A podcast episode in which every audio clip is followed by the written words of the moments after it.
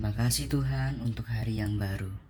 Pernah nggak lo bayangin gimana jadinya kalau nafas lo itu harus bayar? Udah berapa banyak oksigen yang lo hirup dan sekarang setelah sekian lama lo hidup, terus Tuhan minta lo buat bayar. Gimana kalau nafas itu kayak Netflix atau Spotify, lo harus subscribe per bulannya. Dan user tiernya itu kayak Grab, ada silver, gold, platinum. Makin gede bayar, makin banyak jumlah oksigen yang bisa dihirup. Dan makin banyak diskon dan promo subscribe-nya. Bro, Hari ini nafas lo itu nggak bayar sama sekali dan sampai hari ini Tuhan masih kasih lo kesempatan untuk hidup dan lo masih nggak mau baca Alkitab, masih nggak mau berdoa, masih males-malesan datang ke perhimpunan ibadah. Lo sih keterlaluan banget men.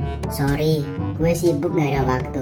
Bro, 24 jam sehari Tuhan kasih ke semua orang sama. Gak ada yang dapat 25 jam atau 23 jam kurang. 24 jam lo itu bisa habisin buat main game Buat tiktokan, nonton youtube, nonton drama Korea. Berapa waktu lo habisin buat Tuhan? Ayo pasal 1 ayat 21 bilang Tuhan yang memberi, Tuhan yang mengambil. Jadi selama Tuhan masih memberi Kenapa lo gak beri juga waktu lo buat dia Sebelum dia ambil waktu lo